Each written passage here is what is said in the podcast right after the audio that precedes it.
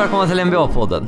Jag är Jesper Karlsson och med mig som vanligt Niklas Hovebrant. Podden hittar ni på vanliga ställena, oss på Twitter, NBA-podden. Och vi är tillbaka efter en veckas uppehåll, Niklas, som, eh, ja, som vanligt beror på mig. Ja, det brukar vara så. Ja. Jag kan inte säga att jag hade överdrivet mycket tid när jag hade träning tisdag, match onsdag, träning torsdag förra veckan. ja Det, nej, det har, för det är ungefär då vi brukar spela in podcast Ja. eller förbereda inför den. och jag hade ingen tid alls. Eh, så att det gick tyvärr inte. Men som sagt, nu är vi tillbaka. Och eh, det ska bli kul, för jag har haft en jävla skita idag. Min, min cykel har blivit snodd.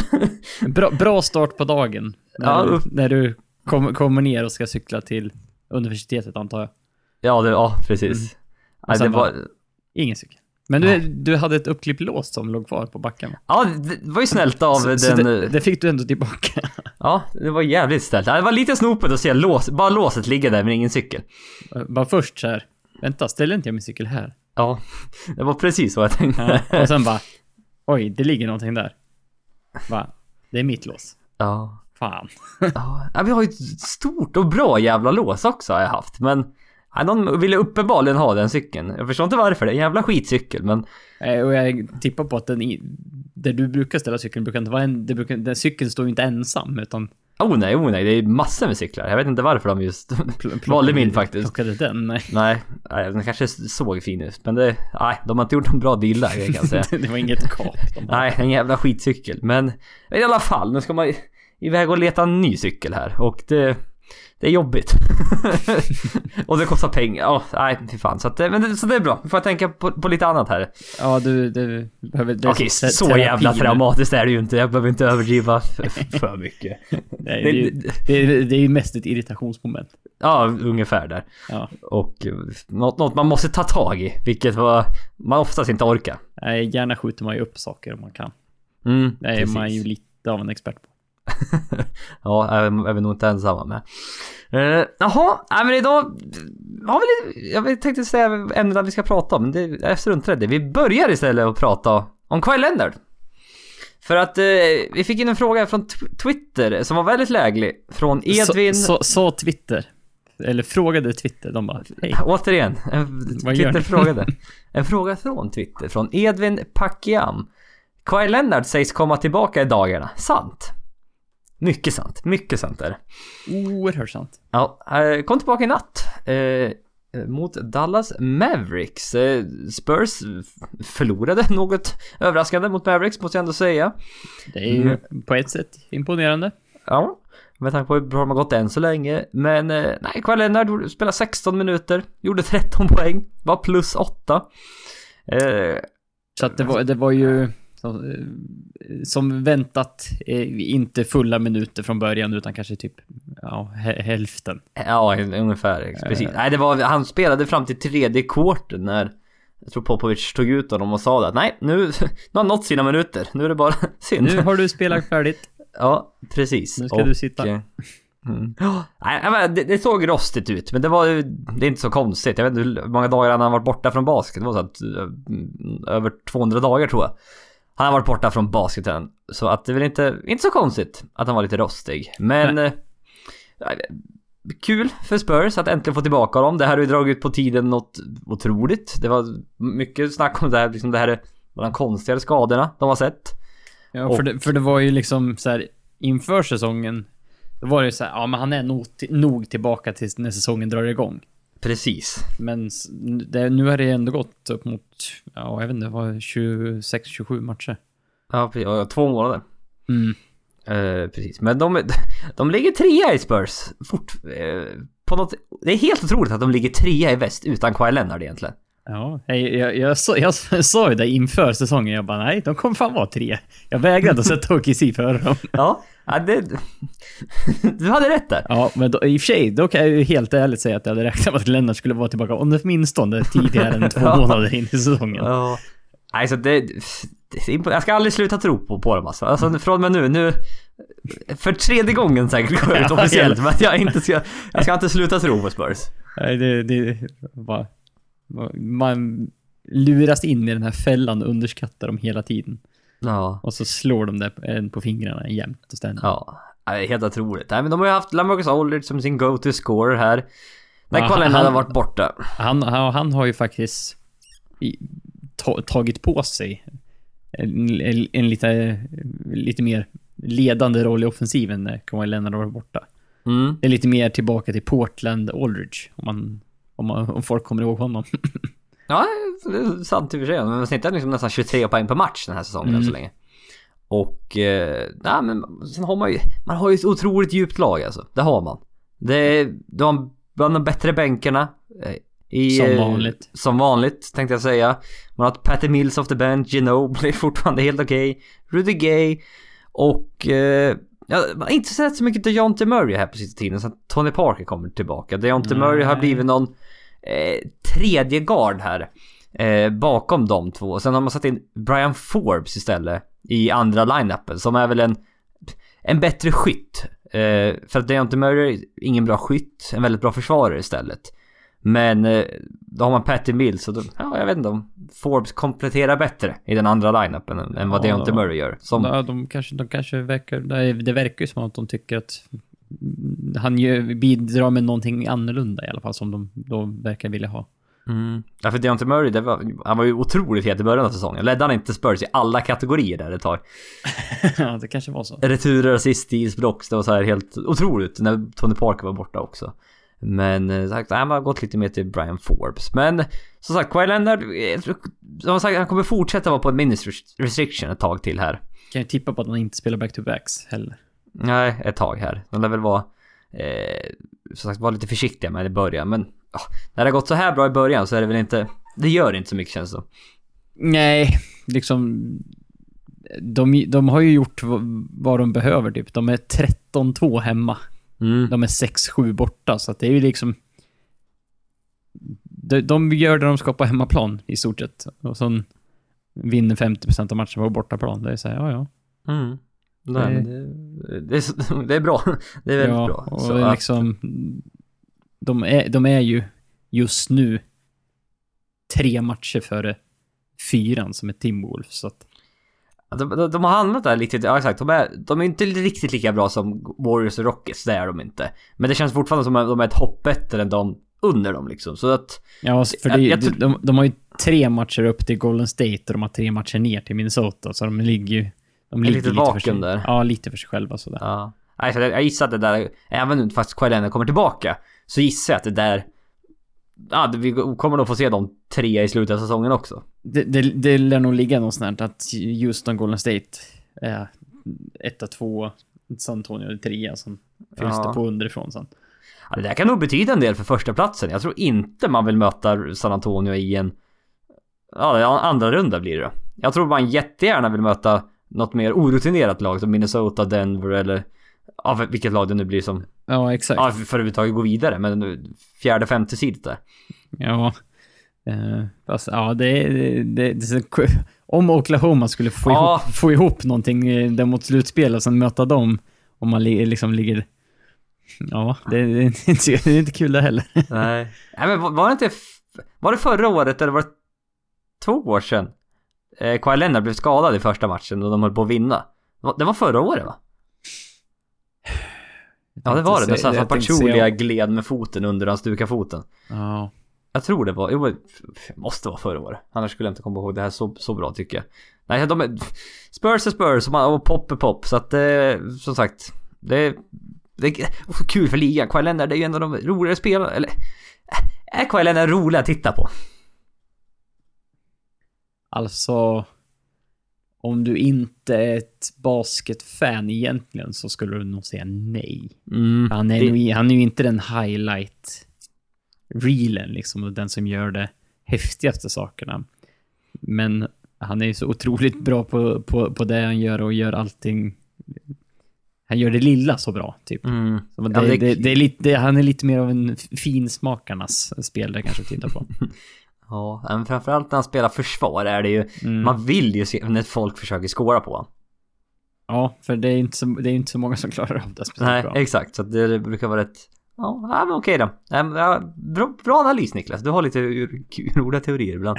ja, men, och det, det är ju alltid så att man sitter och bara funderar på, ja men är det inte lite så här kanske? ja, ja visst. Det är bra att du får lite tokiga idéer ibland. Mm, eh, vi går vidare, ta en annan Twitterfråga här. Från Emil Ullbrand. Som Charlotte-fan är jag besviken på säsongen hittills. Finns det en chans att de kan ta sig till slutspel fortfarande? Eller bör, bör det försöka sälja av lite och hoppas på ett högt draftval? Och tittar vi vart Charlotte eh, ligger än så länge. De är just nu 10-16. Tredje sist i öst. De Vilk... är bara före Chicago och Atlanta. Ja, som väntat ligger toksist på ja. Och eh, ja, de ligger där i sam, ungefär samma record som Brooklyn och Orlando. Och... Eh, nej, det här är en besvikelse absolut. Jag trodde att Charlotte var ett slutspelslag i alla fall. Det, tro, det trodde jag också. Mm. Eller åtminstone att de skulle i värsta fall typ petas ut i slutet på till en nionde plats som vi precis missade. Det mm. var worst case scenario typ. Ja. Eh, och att liksom toppen var liksom att kampa som, jag vet inte, femteplatsen, femte, sjätte platsen. Ja men precis det med Milwaukee kanske och ja, Detroit eller Miami eller vilka lag man trodde det var ja. innanför säsongen där som kom, skulle kampas där. Och eh, ja, men det är ju ett... Om vi tittar lite på laget, det är ju ett lag som, jag vet, det här, vi diskuterade lite det här innan, både du och jag, och vi kom ju överens rätt fort var liksom, tittar du på det här laget, det är många spelare med, med höga löner, men inte så mycket kvalitet. Nej, relativt lite produktion. Per, ja. per betald dollar typ, eller hur man ska uttrycka det. Ja men, men det är för många halvbra spelare med stora kontrakt känns det som. Ja, lite så. Ja, för att liksom Marvin, man har... Ja, det är helt otroligt. De har, eh, vi ska se här, 116 miljoner i lön. Och nästa säsong har de redan 115 miljoner i lön. Så det är upp, uppbundet massor redan. Ja men precis. Utan, att, all... utan att göra några roster moves. Ja men precis, för deras topp 9, deras topp 9 betalda spelare har kontrakt även nästa år. Mm. Så att det, det, är det här laget man har just nu verkligen. Och det liksom, kommer inte finnas cap space på ett tag. För att tittar man liksom, Marvin Williams 13 miljoner. Michael Kidd Gilchrist 13 miljoner. Cody Seller 12,5 miljoner. Och jag tror Cody Sellers kontrakt typ också bara ökar i värde per år. Så han har typ, om det är nästa år eller året efter det, har han upp typ 14 miljoner. Ja men precis, ja det är 12,5, 13,5, 14,5, 15,5. Ja. ja, så att det liksom går upp en miljon per år. Också. Ja precis, Cody Seller har fyra år kvar där. Mm. Och nu har man nästan valt att satsa på Frank Kaminski istället för Cody Seller. Eh, i den här kampen av, av, av, mellan vita centrar. så verkar vara... så, så, som de har haft ett, ett tag i, i Charlotte. ja, ja, precis. Så verkar det vara som att det är Frank Kaminski som har vunnit, vunnit, vunnit den kampen. Då, eh, då, då, känns det ju ännu sämre med code, en Codicell med det här kontraktet. Jo, ja, men om man, precis. Om man... ja, alltså har man Dwight Howard 23,5 miljoner, Batum 22,5 miljoner. Eh, man har Kemba Walker som tjänar 12 miljoner per år. Vilket är ett jävligt bra kontrakt. Det är ett av de bättre i ligan skulle jag tippa mm. på. Och få, få den kalibern av borderline åtminstone All-star point guard för 12 mm. miljoner per år. Det, det är ju liksom snäppet under att Golden State hade sista åren på, på Curry där. När de ja, men precis. För det, hade, alltså det... det är typ samma summa, men för, då för en lite bättre spelare kanske då. Men, mm. men det är ja, men... ju i, trakterna. Mm. Nej, men sagt, Marvin, Marvin Williams var bra ett år, fick betalt, har inte varit så bra något vidare sen dess egentligen känns det som. Nej. Nej. Och eh, såklart Niklas Batum. Eh, problem med en armbåge eh, tidigt under säsongen. Eh, har kommit tillbaka, men det har varit lite rapporter om att han... Ah, den är inte riktigt bra än, trots att han är tillbaka liksom. Nej, han eh, sa i någon intervju att han... He's bothered by it. Mm. Eh, så att det, det, det stör honom mm. fortfarande, så att det är inte helt bra. Nej. Utan eh, det är någonting som han, han, han kan spela med det, men det hindrar honom i någon liksom, utformning. Mm.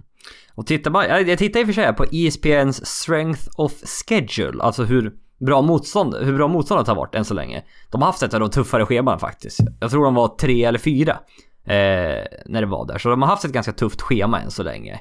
Eh, och som sagt lite eh, små skador på spelare. Men tittar du på laget. Man tänkte att liksom, eh, vad fan vad heter tränaren? Eh, Eh, jag tänkte se det. Vad fan.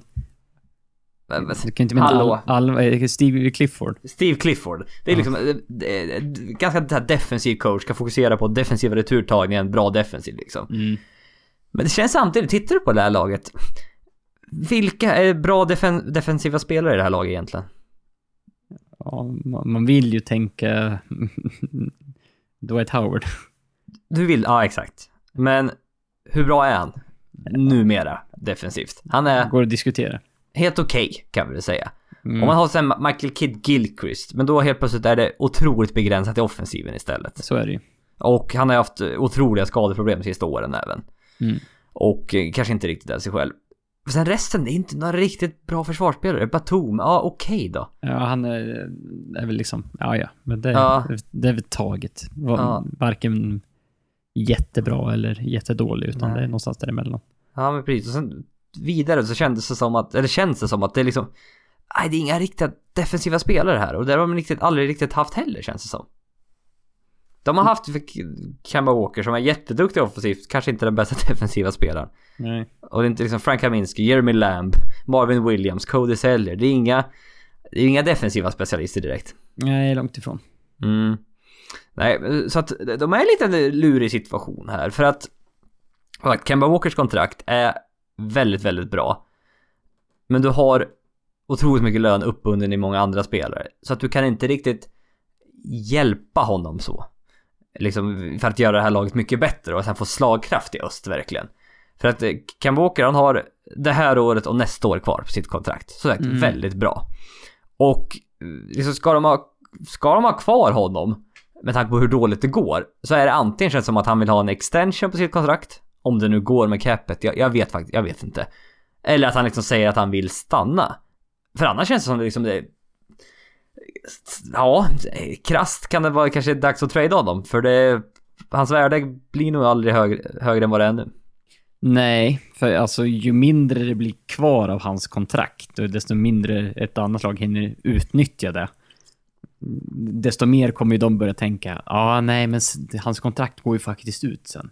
Mm. Istället för att tänka, om man liksom börjar sälja av honom nu, så är det ju så här, nu har vi ju minst ett och ett halvt år av Kemba Walker på, på 12 miljoner. Mm. Det är ju liksom, Det är en väldigt, det är låg risk och samtidigt kan det vara väldigt ja, Bra betalning. han, liksom, eh, på, om det blir en rätt lag där, då är det så här, oh, det kan vara, kan vara riktigt läskigt då. mm. vad, vad man kan bygga för lag. Han, han är ju som, som, som Steph Curry, en sån där bit som man behö, skulle kunna få in i ett lag. Ett riktigt, riktigt bra lag. Ja, för att han är, han är ju aldrig riktigt varit någon sån här pass first point guard. Det har han ju aldrig varit. Nej, nej. Han är ju han är en scoring point guard. Men som har med tiden ändå blivit bättre i sin liksom... I sin eh, spelförståelse. Oh, ursäkta, nu håller jag på... Nej, rapar höll jag på att säga. Eh, nej men assist och pa, sin passningsförmåga har liksom blivit bättre med tiden. Eh, så jag vet inte riktigt för att det, jag kände så här, mitt första, det första man, laget man tänker på att han möjligen skulle kunna bli tradad till. Är ju som vanligt eh, San Antonio. Ja, det, det en, den återkommer alltid. så här. Det är alltid alla de här vettiga spelarna bara, hmm. Nu, nu kan, kan, det, kan, kan den här free agenten eller kan den här traden, kan, de, kan San Antonio göra någonting? Kan Ja. de hamna där till slut? Men jag vet inte, jag vet inte riktigt vad San Antonio kan erbjuda faktiskt. Eh, eh, men jag tänkte Denver, ganska logiskt eh, trade destination. För de har ju varit, varit i snack med... Saknar, saknar riktig point guard så. Precis, och man, man snackade lite om Eric Bledsoe där, om man var sugen på honom. Och eh, det, det finns väl ett ganska logiskt där liksom. Det är eh, Murray, Kenneth Farid och ett first round pick för Kemba Walker. Mm. Du, in, innan vi fortsätter. eh, Ja, ta lite på din hörlurs... Ja, okej. Jag, ho- jag hoppas du spelar in med den andra micken. jaha. Mm. Jag, spel, ja, jag spelar in med Det är du som får höra mig. Ja, för den går nämligen mot din skjorta då och då och då jag bara... Så, så se till att den inte kommer på inspelning så... så Nej, nej, inspel... Nej. Du, Nej, jag bra. kollar till och med inspelprogram här. Nej. Jag ber, jag ber om ursäkt. Ja, nej, det är bara, det är bara du Mm. som får... eh, Det är jag som, det är jag som får stå ut. Det är du som får stå ut med det. Ja. det jaha. Ja, ja. ja ja, jag ber, om ursäkt till dig då. Ja, ja, det behöver inte. Men så länge det inte eh, går ut så, Nej. så känns, känns det lugnt. Ja, det, det är lugnt. Eh, vart var vi? Jo men Denver. Jamal Mm. Murray, Kenneth Farid first round pick. Är det tillräckligt för Kemba Walker? Alltså, det är så jävla svårt att värdera vad han är värd. Ja, jag, jag hade också... jättesvårt. Mm. Det är, så här, det är en bra spelare med ett bra kontrakt. Ja. Men det är också så här, vad, är det, vad sitter de i för förhandlingsposition? Hornets också. Det var liksom, hur mycket kan de begära för honom? Ja. Men. För, det, för liksom det, det hela känns som att det utgår ju någonstans ifrån eh, att Charlotte, att Charlotte kanske inte får en känsla av att han vill resigna. Nej. Det måste ju börja där någonstans, att de känner att nej, han, han kommer vilja testa free agency när han väl kommer dit. Ja, eller att liksom... Jag vet inte, eller bara idén att liksom, vi kan inte vinna sitter med Kemba Walker. Ja, eller liksom dit vi är på väg just nu. Eh, först och främst med det här laget kommer vi ingenstans och sen om vi då ska signa Kemba Walker till en jäkla massa pengar eh, sen så bara...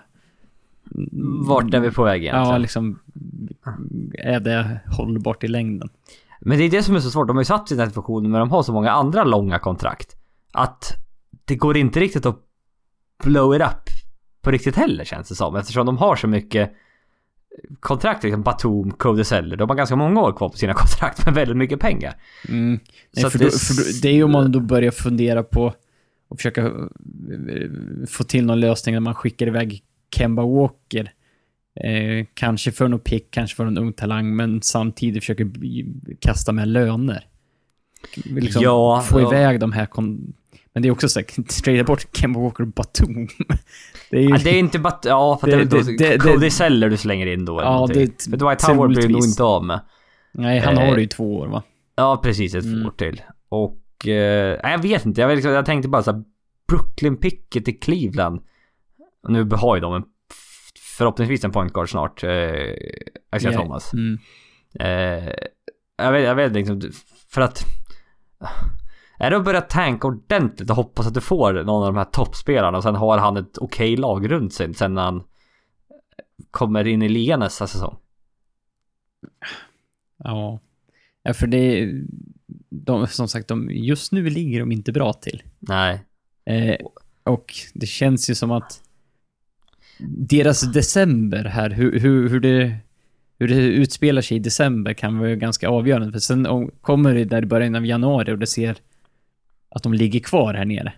Mm. De ligger några matcher över liksom Chicago och Atlanta, men eh, är liksom börjar, börjar bli längre och längre från slutspel, då, då känns det som att då blir det mer aktuellt att prata om något sånt här. Ja, de har ju rätt tufft schema i december ä- ändå. Jag vet att du, både, du, du tittar på det, men jag har det här även här framför mig. Mm. Att det, det är borta Houston, Miami, Portland, Knicks, Toronto. Och sen borta Milwaukee, hemma Milwaukee, hemma Boston, borta Golden State, borta Clippers.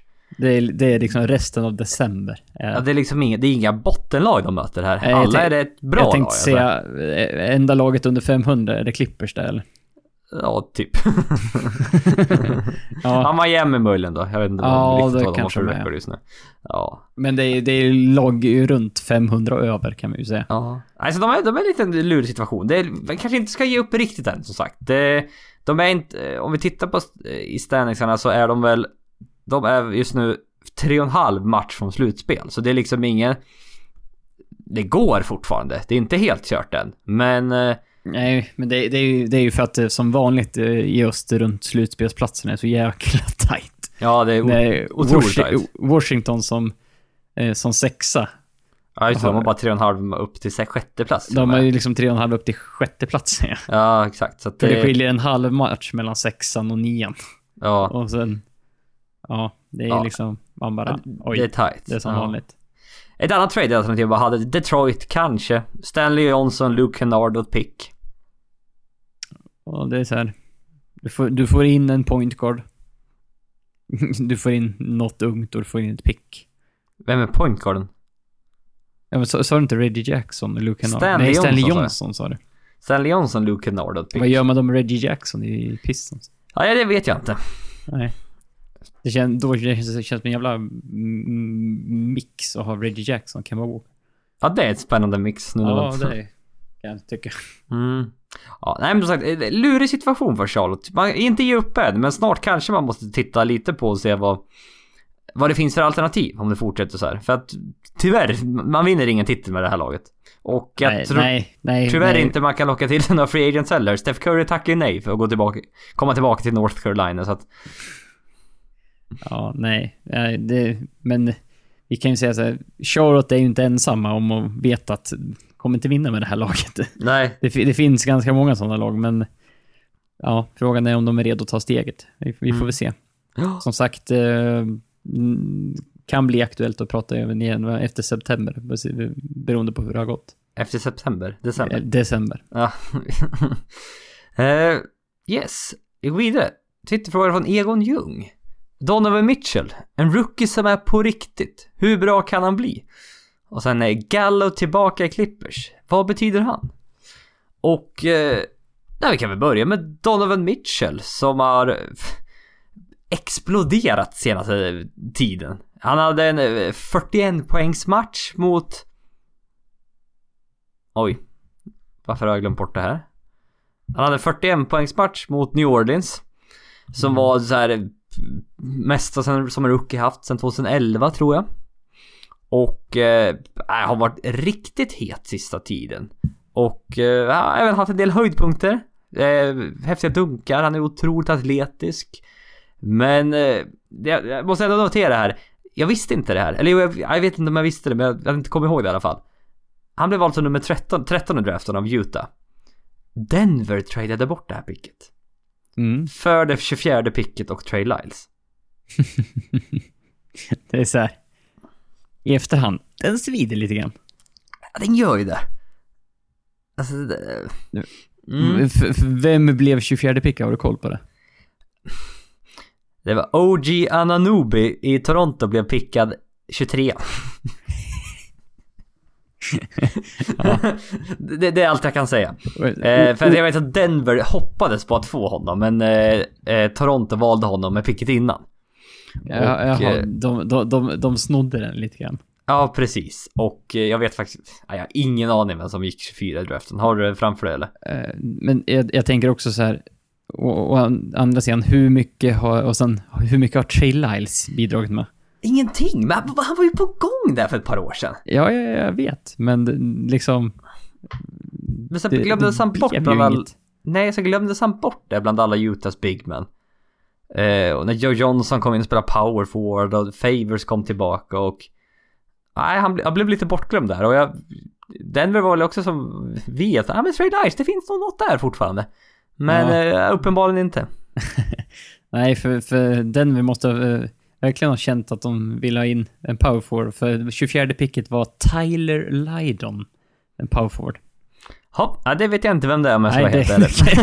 Från Syracuse tydligen. Ja, Jag nej, tänkte, det... då, då gick de mycket, mycket för, från, för power forwards då. Mm, De ville väl försöka kasta ut Kent Freed kanske.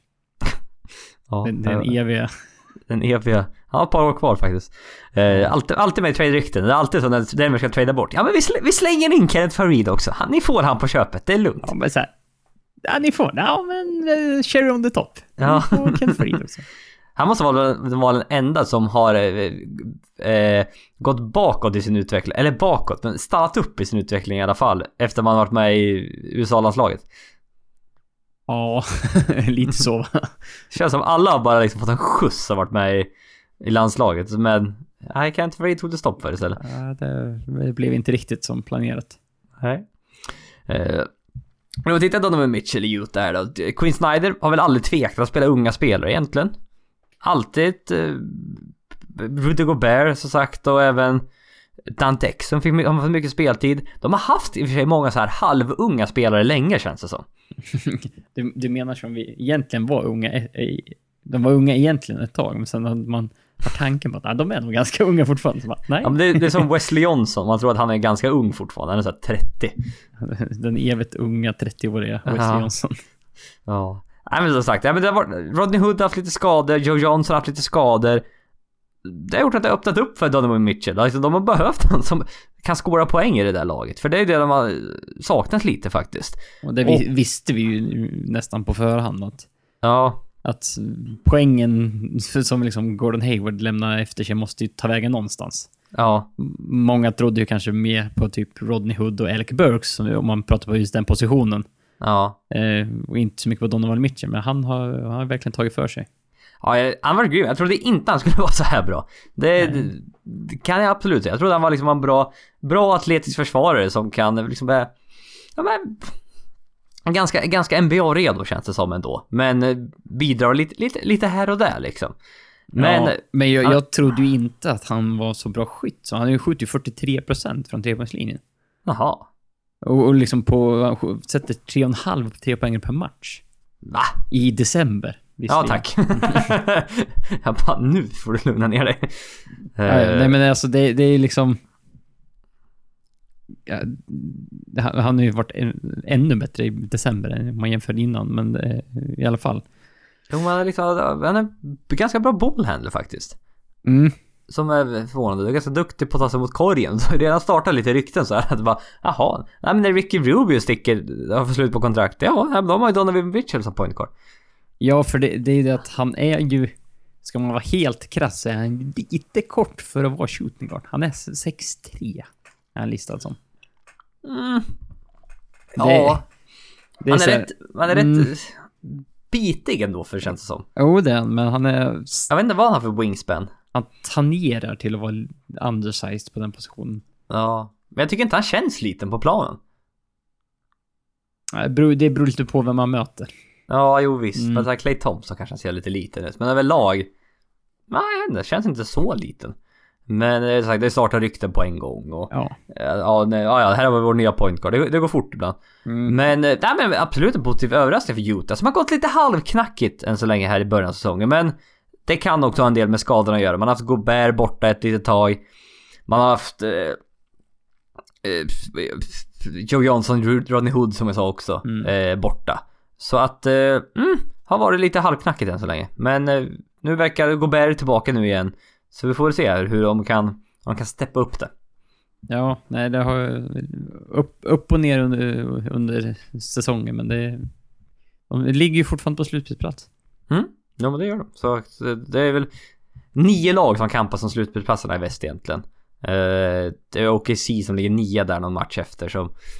Eh, ja, som kampas med dem där om den sista slutspelsplatsen.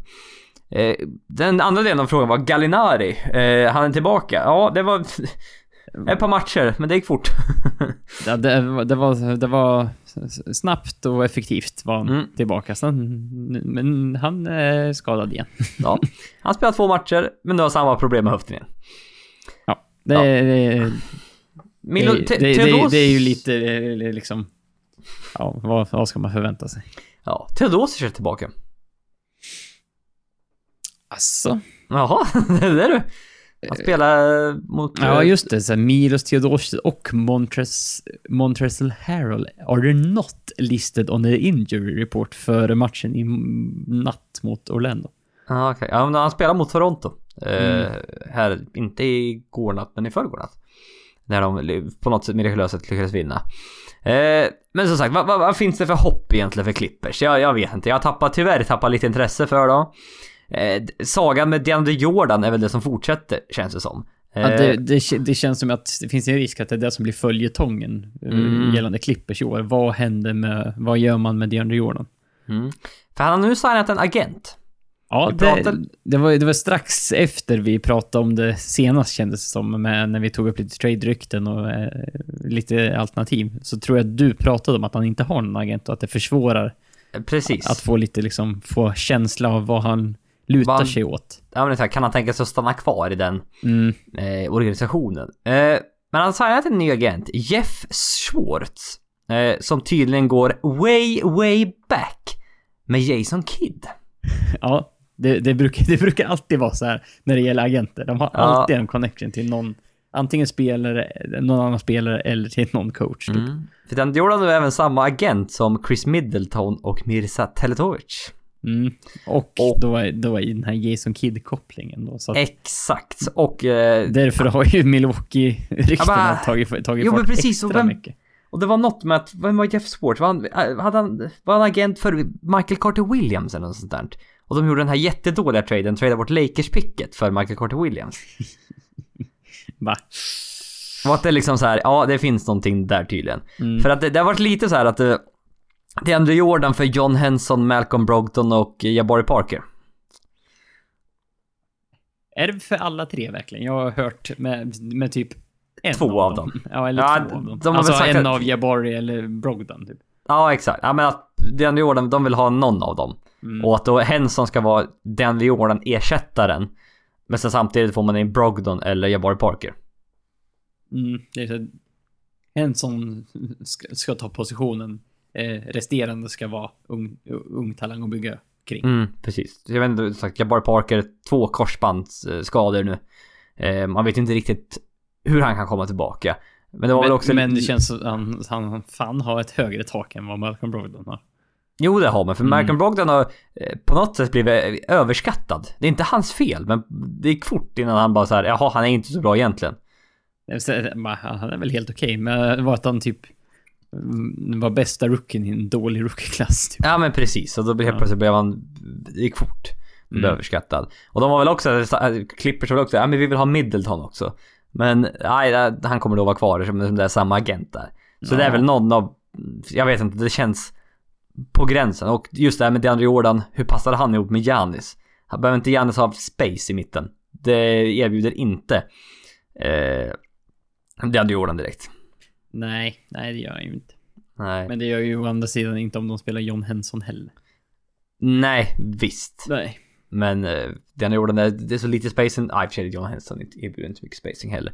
Ja, Eh. han, har, det finns ändå en lurande midrange någonstans. Ju- långa... Långa, lång- hook, långa hookshots skulle jag vilja Ja, säga. ja, det är kanske mer så. Det, det är från midrange distans, men det, ändå, det får väl klassas som ett hookshot. Ja. Eh, han är även nu samma agent som CJ McCollum och Noah Vonleh. Ja, så är vi i Portland. Eh, DeAndre Jordan för Evan Turner och Josef Nurkic. Oh, Evan Turner. Ja, exakt. Du får Josef Nurkic, men då får du ta på dig Evan Turners kontrakt också. Mm, det är den som Mm. mm. svider lite.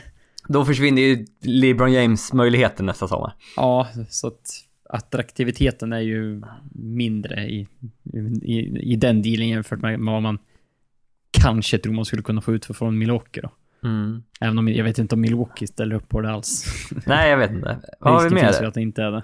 Ja. DeAndre Jordan för Marcin Gortat, Kelly Oubre Jr och Jason Smith. Det är så tråkigt. Det är så tråkigt. Ja men du får Kelly Oubre Jr. Äntligen får Clippers en wing. Jag, jag, jag tror Wizards säger nej till den här. Jag tror inte man vill ge bort Kelly Jr. Han har varit bra i än så länge. Ja, visst. Ja. Men det är, det är också så här. Det, det är ju inget Jabari, Parker-tak på honom. Nej, nej men han är bra fortfarande. Ja, det är stabil. Ja, och det är ändå andra året här. Det kan fortfarande hända lite. Och du- Och du får NBAs, en av NBAs bästa dansare i Jason Smith. Om man säga det själv i alla fall. Ja, ja, ja. ja. Ja. Så att, eh, det, det kan ju gå in och kolla videos på när Jason Smith dansar innan diverse matcher och sånt. Ja, det är rätt roligt faktiskt. det kan vara en profil för Clippers behöver bygga, bygga Ja. kring. De behöver, de behöver ta, flytta fokus kanske från basket till mer annat, så då kan det Ja. vara bra, bra Ja, det plåster. känns- mm. Eh, DeAndre Jordan till Cavs för Tristan Thompson, Imma Champert och Brooklyn Pickett kanske finns kvar också. Jag tror inte de vill ge upp Brooklyn Pickett. Eh, Nej, men det känns som att... Thompson Champert är för lite för DeAndre Jordan. Ja, ja, Det är bara, det, då får man bara lön känns det som. Och då Ja. vill, man, typ så. vill man inte ha känns det som. Nej, och, Så att- och, och om Clippers är ute efter, ja men vi vill ge Blake den bästa chansen, vi vill bygga kring honom och kanske inte ta in DeAndre Jordan-typen av center, då är ju Tristan Thompson inte så jävla mycket bättre. Nej, absolut inte. Nej. Så att... eh, mm, nej men det var bara ett par idéer jag hade Ja, ja, absolut. Det är, det är no några av de här ryktena som florerar Ja. från vecka till vecka, lite sådär mer eller mindre intensivt. Ja, vi får väl se som sagt hur länge han är kvar. och Hur länge Doc Rivers är kvar. Det är spännande. Eh, ja, vi går vidare. Med, nu ska vi Jesper ha ordning här på saker och ting. Innebandyoraklet frågar, något måste göras i OKC. Vad? Dags att kicka Donovan. Och eh, Oklahoma fortsätter gå tungt. De är eh, just nu 12-14 utanför slutspel. Det klickar inte för dem. Det, det pratade inte vi nyligen om de här hur dåligt det går och jag tänkte det här borde ju lösa sig snart. Men nej, ta mig fan, det gör det inte. Nej, det fortsätter att hacka. Mm. Eh, f- för, att, för att uttrycka det eh, liksom milt. Mm. Och, Ja. det, men, eh, och det är inte så här... Eh, senast vi pratade om dem, det är inte så att de har gått sämre. Nej, Så att de har Det- en, lång losing streak, utan de har gått ungefär detsamma.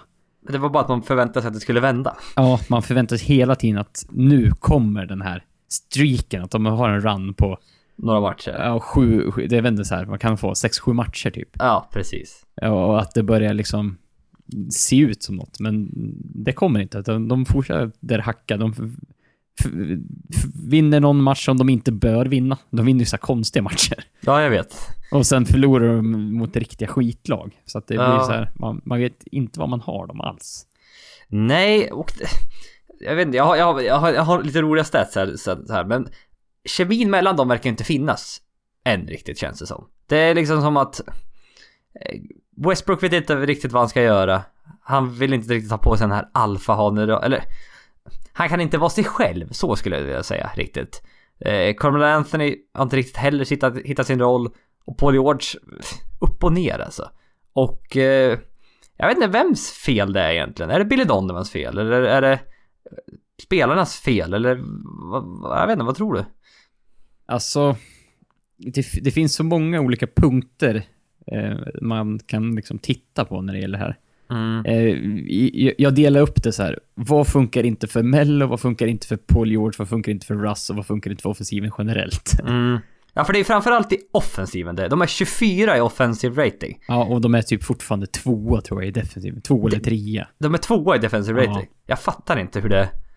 Så, så att med liksom wing defenders som Andrew Robertson, Paul George och Ja, ett, an- ett ankare med Steven Adams. Försvaret finns där. Alltså Ja. försvarsspelarna finns där. Mm. Eh, sen trodde man kanske inte att det skulle vara så här Nej, eh, bra. nej. Eh, men offensiven är ju, låt oss säga under all kritik. Mm. Eh, om, om man tittar typ på, jag, ska man vara helt ärlig så är det väl Mello som har fått mest skit. Jag har, jag har sett i en del kommentarsfält eh, att, att vissa OKC-supportrar börjar tappa tålamodet för Carmelo och kallar honom för Carmelo Cancer Anthony. Oj, det var Så, att- så, så att det var liksom, ja, jag tyckte också, jag var så här, oj, det var... Så att de är inte så nöjda, många OKC-fans på, på Mello, men eh, det kan jag förstå. Mm. För att eh, just som det har sett ut nu, han i, isolatar ungefär lika mycket som han gjorde i Nix förra året. Ja, det är inte riktigt bra. Det finns ju inte utrymme för här, känns det inte som. Det var en helt annan situation förra året i Nix. Då var det så här, han fick ju göra typ lite vad han ville. Mm. Och ändå höll han tillbaka Kristaps Porzingis då. Och det visste Ja. vi. Ja. Och, och nu har han liksom, nu har han två All-Stars bredvid sig. Mm. Och han spelar ungefär det samma spel som han gjorde då. Och, men han skjuter, ja, lite sämre. Mm. Ja, Det, det är mycket långa tvåor, men det har han ju alltid tagit. Det är bara att han sätter dem inte längre. Nej, Han är inte 28 eller 27-28 längre, han är 33. han är så pass alltså. Ja. Ja. Nej men så att det, för jag tittar lite också här på isolations. De isolatar näst flest gånger i NBA. Alltså sina 11,3% av sina possessions. Mm. Isolatar de. Men de är endast 17 i points per possession. När de väl isolatar. Och de är bara 20 i field goal percentage. Också vid isolation situationer. Så att de gör det väldigt ofta. Men de är inte särskilt effektiva på det. Nej, och, och det, eh, det kan jag förstå för att just det här när de lägger, kastar in bollen till Mello, typ i, han är ju lite så här on the wing, halv i posten, halv ISO. Mm. Det är ju där han, all, hans liksom ställe. Alltså, kollar man på, på liksom videoklipp, det ser ut som alla andra i laget. De kastar in den så bara, jaha. Och så bara går, de bara står. Det är ingen Ja. som rör sig. De bara, Framförallt Westbrook. Han Ja. gör fan inte mycket. nej, hans off the ball movement, det, det, är- det är så här punkt ett som jag har på Russell Ja, Westbrook just- som inte fungerar. jag, hörde, jag hörde på av, det var Zach Lowe som sa det. Att Westbrook har inte satt en enda screen för Carmelo på hela säsongen. Den är lite rolig. Inte en enda! Man kan ju fan snubbla in i en screen Jag någonstans. bara råkar sätta en screen. Ja, inte en enda. Och så var vad var det alltså, jo, någon på Reddit som sa If screens showed up on the stat sheet he would set 10 plus every game. ja, bara för en... Ja, så att det är ju... Mm, det finns väl en liten sanning i det kanske. Ja, det, det, det, det är så signifikant eh, när man ser de här... Man kastar in den emellan och sen alla typ hänger med axlarna och typ bara står och bara "Ha, nu kom, Alla vet att han kommer skjuta. Mm. Det är ingen som gör någonting och som sagt, Russell Westbrook, eh, han... Det var helt stört. Jag såg några videoklipp. Alltså, hans off-ball, jag vet inte om han har blivit förstörd typ förra året när han spelade. Att, Jag vet inte vad man ska göra. nej, nej men, ja, men han hade ju bollen hela tiden. ja, ja, ja, men man vet inte vad man ska göra när han inte har bollen. Nej, för du, du typ, jag så- såg flera gånger, han var så, han, han, ofta är det ju han som driver upp bollen. Mm. Ja, och sen passar han iväg då. Sen kan han stå typ tre meter från trepoängslinjen. Antingen i mitten eller på en wing. Så står han kvar där. Medan bollen, alls, bollen ja. är där ute på, på den andra. Sen bara... Han och så typ bara väntar på att få tillbaka bollen. Mm. Och Nej, det, för att- liksom, då, är, då är man ju inget hot om man står där liksom. Så Nej. långt bort från där allt händer. Nej, för det var också den här intressant stats. Av de 34 spelarna som snittar minst 15 field goal attempts per match så är Russell Westbrook 34 sist i field goal percentage. Carmelo Anthony är 33 och Paul George är 31. ja, Så de sådär. är sist, näst sist och fjärde sist i field goal percentage. Ja, den är inte optimal. Nej, det säger väl någonting där att... Mm, nej, det är något som... Det, det tar lite stopp i offensiven. Ja, nej men det, de, jag, jag tror de ligger tok sist i typ eh, antalet passningar Mm. eh, som görs. på matcher. Så det, det är dålig ball movement, det är dålig rörelse generellt utan bollen. Ja. Eh, Och sen Och även typ- att... eh, alltså, eh, om man ska titta på Paul George, han har ju inte haft någon jättesäsong, han har varit ganska ineffektiv om man jämför mot, mot tidigare år. Eh, han är hyf hyfsad på spot-up fortfarande. Det är Ja. väl det han har, men typ som pick and, ball, eh, pick and roll ballhandler så var han elit när han gjorde det förra året. Eh, han gör det typ mer i år och är långt ifrån samma effektivitet. För jag hittade en stat här som också var att när förra året, eh, under förra säsongen, när Russell Westbrook inte var på planen. Eh, då hade Oklahoma en net rating på minus 8,9. Mm. Alltså offensive rating minus defensive rating. I år, när Westbrook inte är på planen, men Paul George är på planen. Mm. Då har Oklahoma en net rating på minus 14,5. Oj. Så de är 5,5 poäng sämre i år när Paul George är på planen, när Westbrook inte är på planen. Jämfört med bara Westbrook inte på planen förra året. Mm. Alltså, samma om, omständigheter förutom att de inte har Paul George. Eller hade inte Paul George då. Nej, precis. Och det är sämre i år när man har Paul George. Ja, det känns... Det, man tycker, tycker att det inte borde vara fallet. Nej, nej, för de försöker ju alltid ha någon av, av det brukar vara Paul George som spelar med bänkuniten. ja. Eh, framförallt i början på andra och, andra och fjärde quarters. Men bänken är usel. Alltså den är katastrof. De är näst sämst i point per games. 27 i field goal percentage, 27 i 3 point percentage. Och jag liksom... Jag, liksom när Raymond Felton, Kyle Singler, liksom det... Nej, bänken är inget vidare kan man lugnt säga. Nej, det, det, det, det, det är det som svider lite. då, För de gav upp en hel del bredd för att, för att typ plocka in Mello. Ja. Eh, och när Mello är så här dålig, då blir det ju... då, då märker man ju ännu mer att bredden saknas. Ja, och liksom bara Oladipo som man tyckte var en lönedump nästan med tanke på att han var ganska... Med det kontraktet förra året. Ja. Och sen i år, eh, det var rätt spännande. Paul George förra året i Pacers, 23,7 poäng per match, 46% från golvet, 3,3 assist, 1,6 steals. Oladipo i år för Pacers, 24,5 poäng per match, 48% från golvet, 4 assist, 1,8 steals. Alltså bättre i... Bättre i, i alla fall de här fyra kategorierna. Så liksom, de har ju, han har ersatt honom rakt av, nästan lite bättre uppenbarligen då. Mm. Vilket är... Det trodde man inte. Oladipo, en All-star i öst. Bra odds på det gissar. Ja, och han... Most improved player tror jag han ligger rätt bra till också till. Mm, ja verkligen. Nej men så att... Visst, vad var det jag läste? Indiana har inte haft en bortamatch väst om Oklahoma än. Nej. Så de har inte riktigt mött de här tuffa västlagen än. Eh, vad var det även att... Jo just det, det är lite roligt. Det här med Oladipo. Jag, jag tänkte lite här. Eh, Victor Oladipo, All-star troligtvis i år. Mm. Tobias Harris, kanske också en All-star i år. I alla fall Ja, möjligt. Det är möjligt. Så, så som Piston börjar åtminstone. Ja. Båda från Orlando ursprungligen. Ja, om, du, om du tänker så. ja, jag bara... For, fortsätter med trycka ner Orlando lite bara. Ja, nej, men det bara- går bra. Det går bra Ja, med Orlando. jag, jag, jag ville bara säga det. De ni gör er av med, de spelarna, de blir råstade någon annanstans. Ja, ja, vem vet. Nej, men så att... Är det här Billy Donovans fel? Ja, kanske. Vi funderade väl också tidigare här under säsongen att det... Det kanske är Billy Donovans fel det här. Han verkar inte få ihop det riktigt.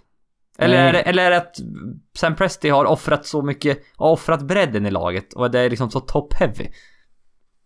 Ja, eh, men det är det man fundrar, även om det finns fundamentala fel i att sätta ihop de här tre spelarna, verkar det som att det är något som inte riktigt funkar. Men man måste ju kunna ändra basspel på, på, på något sätt. Man måste ju kunna få igång lite mer ball movement. Få bort de här grejerna som inte fungerar. Måste byta någonting. Det finns ju en otrolig talang. Ja, ja, jo men det är ju så. Och... Det är eh, fortfarande liksom, eh, skulle du ta gun to your head. Vilket lag kommer fyra? ja, Ja, du är typ småsugen på att sätta Oklahoma ändå alltså. ja, det får man lov att säga. Mm. Och, men det är också så här, eh, det är nästan till helt säker på att vi pratade om senast vi, vi pratade om Oklahoma också, och varför det inte fungerar. Eh, I första perioden av matcherna, Mm. då har de en offensiv rating på 106 och en defensiv rating på 89. Oj. Det är alltså en net rating på 17,5 plus. Mm. Vilket är helt löjligt bra. De spelar alltså ut i stort sett alla andra lag i första kvarten. Eh, i, I andra kvarten, eh, offensiv rating på 102, har alltså gått ner lite grann. Defensiv rating 99. Defensiven eh, dumpar mer, offensiven ja, mer eller mindre samma. Fortfarande positiv net rating 3,2. Mm. I, I första halvlek, alltså 19,7 typ i första halvlek har de Mm. plus i net rating. I tredje perioden, de går från offensiv rating från, från 102 ner till 96. Hmm. Och tappar defensiven från 99 till 106. Då har vi, då har vi helt plötsligt en negativ net rating på minus 10 Oj. i tredje perioden. Mm. Eh, I fjärde, offensiven brukar komma tillbaka lite, startsarna spelar väl mer, 103 offensiv rating. Eh, defensiven fortsätter tappa, mi- 107. Oj. Så det är minus 4 i fjärde perioden, så det är liksom Ja. minus 14 i andra. Mm. Ja, de har förlorat, de får förlora mycket matcher i andra halvlek. Ja. Har de gjort. Och, och det är det, då, de- det är så här, varför spelar de så bra? Vad är det som inte funkar i andra halvlek? Ja. Vad, liksom, ja det för det det, finns ju där. Upp, Jo, det- Ibland. Ja men det kan ju, det är ju det här att ju, ju närmare slutet det kommer ju mer intensivt blir ju spelet såklart. Ja, och Framförallt försvarsmässigt, känns det som. desto mer, alltså, lagen hinner... Det var ju någon som var inne på att lag hinner läsa Oklahoma. Typ, det- och göra förändringar till andra halvlek. Ja men liksom- exakt, att man förstår, man förstår vad de håller på med och sen jaha, nu har vi anpassat det till dem och sen gör inte Oklahoma några förändringar utan de fortsätter med gamla samma. Nej. Och då, då är det ju frågan, då kommer man ju tillbaka till en coachfråga. Om det nu är förändringar som behövs göras. Eller liksom, adjustments till vad Mm. motståndarna gör. Ja, äh, någonting känns... Något behövs... Känns som något behövs göras i alla fall. Jag, Ja. ju sagt, är det att sparka coachen och... Nu vet jag inte vem de skulle anställa men... Någon finns det väl, höll jag på att säga. Ja, det finns väl, finns väl alltid en miljon coacher, men Ja. eh, det finns väl ingen så här klockren som man har pratat om så mycket. Nej, jag har inte hört någonting faktiskt om jag ska vara helt ärlig. Nej. Nej, vi får väl... Eh, Vi får men, se lite, men... eh, Ja, förlåt. Ja, men det är så här, vi, vi vet ju att ofta så är det coachen som ryker i de här lägena och det finns ju en anledning. Det är för att ibland bara vill man få till en förändring, bara göra Mm. någonting. Väcka laget eller liksom. Ja. Ja men precis. Det, Ja. det här... Ja, som sagt. Passa er, ni kan vara up next. Ja, typ så. Mm. Och det, som sagt, jag tror det är runt så här 55-60 dagar kvar till trade deadline. Och om man inte kommer på någonting och, och tror att man kan göra en hyfsat deep playoff run. Då, Paul George kommer ju inte vara så intresserad av att stanna om man... se- Nej, det, då är det nog han till Lakers va? Det, det känns som att går de inte till slutspel, då fi, fi, det finns inte ens på kartan att han stannar. Det liksom, skulle de, åker de ut i en första runda känns inte heller som... eh, Det, det är ju så här, skulle han kunna stanna om de gör en... Möter ett riktigt tufft motstånd i andra rundan och gör det, tar det typ till sex eller sju matcher och liksom gör det bra. Ja, då kan jag tänka Då mig det. kanske det kan räcka, men liksom Mm. Åka ut i första rundan eller ha, vara totalt chanslös mot liksom Golden State eller Houston, då är det, känns det ju... Känns det ju som att han skulle ju kunna gå annars. Att eh, de får nog börja fundera på vad de ska göra. Och jag tror inte du får någon trade partner med Paul George heller. Nej, det tror jag Varför- det är så här, det är så Lakers, överhängande Lakers-rykten så länge på, på Paul George. Men det är lite så här, varför ska Lakers ge upp någon ung spelare när de ändå troligtvis får han i sommar då istället? Det är, li- det är lite Ja, så här, nej, nej, Lakers behöver ju inte trada för honom. nej. Det tror jag Nej. inte. Så att det är sagt, det är en liten prekär situation för Oklahoma. Vi får, Ja, får se hur det det- utvecklar sig. Om det förväntar sig bara att de ska vända snart. Men äh, ja, Ja, det- vi vill väl få anledning till att återkomma till det. Ja, Ja. Jag är väl rätt säker på. Framöver. absolut. Ta en fråga från Jonathan Larsson. Prata om Pelicans. Har de hittat ett spel som passar The Two Towers? Och Rondo spelar som förr igen. Och Pelicans är eh, 14-14 än så länge. Det, det ser väldigt bra ut ibland, det ser mindre bra ut ibland. Mm. Men eh, ja, 14-14 man är på en sjätte plats i västern så länge. Och... Eh, äh, de, Davis och Cousins har ju haft riktigt bra säsonger än så länge. De har varit, framförallt Marcus Cousins har ju överraskat något otroligt. Han har varit riktigt bra i år. Mm. Och eh, verkligen, talangen finns här verkligen. Men eh, kan vi göra en deep playoff run med det här laget? Mm, nej. Inte en deep. Nej, Det Men- tror jag inte. gå till slutspel i alla fall. Ja, jo men det skulle de väl kunna trilla in. Mm. Så, så är det ju. Det tycker jag. Mm. Absolut. Ja, nej men de bara, det, är, det är ett konstigt lag det här, för man har två superstjärnor. Man har DeMarcus Cousins, man har Anthony Davis. Det är liksom båda moderna bigmen som kan göra allt. De kan spacea golvet för varandra. Liksom, framförallt Davis är bra, även Cousins viss del. Och liksom båda moderna bigmen kan hantera bollen. Det är alltid rollspelarna runt omkring som har varit frågetecknet här. Mm. För att det är liksom... Det är rätt, rätt tunt med talang ändå. Du har Drew Holiday som, som sagt också, bra ibland, mindre bra ibland. Man har Eat One More som har varit rätt bra senaste tiden här faktiskt. Mm. Ryan Rondo, väldigt upp och ner. Vart en del upp på slutet faktiskt. Vart helt okej och liksom kan hjälpa till med lite ball movement. Är en veteran som vet vad han gör. Alltså, Ryan Rondo, jag har svårt med honom. Alltså ibland tycker man ju att han gör det skitbra. Och det liksom bara hjälper kan- till kan ju jättemycket. Säga, ja, jag kan säga Pelicans är ju kära i Ryan Rondo just nu. Mm. Alltså alla som är Pelicans supportrar och typ tittar på matcherna och spelarna i laget är ju typ helt begeistrade nu när Rondo har kommit tillbaka och börjat spela många minuter. Ja, men han kan, han, han kan, han kan ge bollen till Cousins och Davis. Ja, ja men det, det, det, det är någon som kan styra en offensiv. Jeru Holiday är inte den pe- personen riktigt. Holiday spelar ju bättre när han har Ryan Rondo bredvid sig så han får Ja. ta mer den här shooting guard-rollen typ. Kul att du nämnde det Niklas. Jag har en Ja. stat om det. Ja, kör hårt. Mm. Eh, matcherna som eh, Drew Holiday spelar när, eh, utan Ryan Rondo. Då snittar han 14,5 poäng per match, 6... Eh, alltså, giss, har du? 6 assist, 5 returer. Sköt 46% från golvet, 22 poäng från trepoängslinjen. Svagt. Men de el- med matcherna med Rondo, 11 matcher är det. Då hittar han 21,5 poäng per match. 4 assist, 3 returer. Assist-returer går ner lite, men det är förväntat. Förståeligt. 48% från golvet, 36% från trepoängslinjen. Och Eh. skjuter då tre stycken treor fler per match Mm. med Rondo. Så att det är liksom, ja, då är han shooting guarden. Och han är betydligt mycket mer effektiv som shooting guard när man har Ryan Rondo bredvid sig. Ja, och, och även... De pratar ju även om spelare som...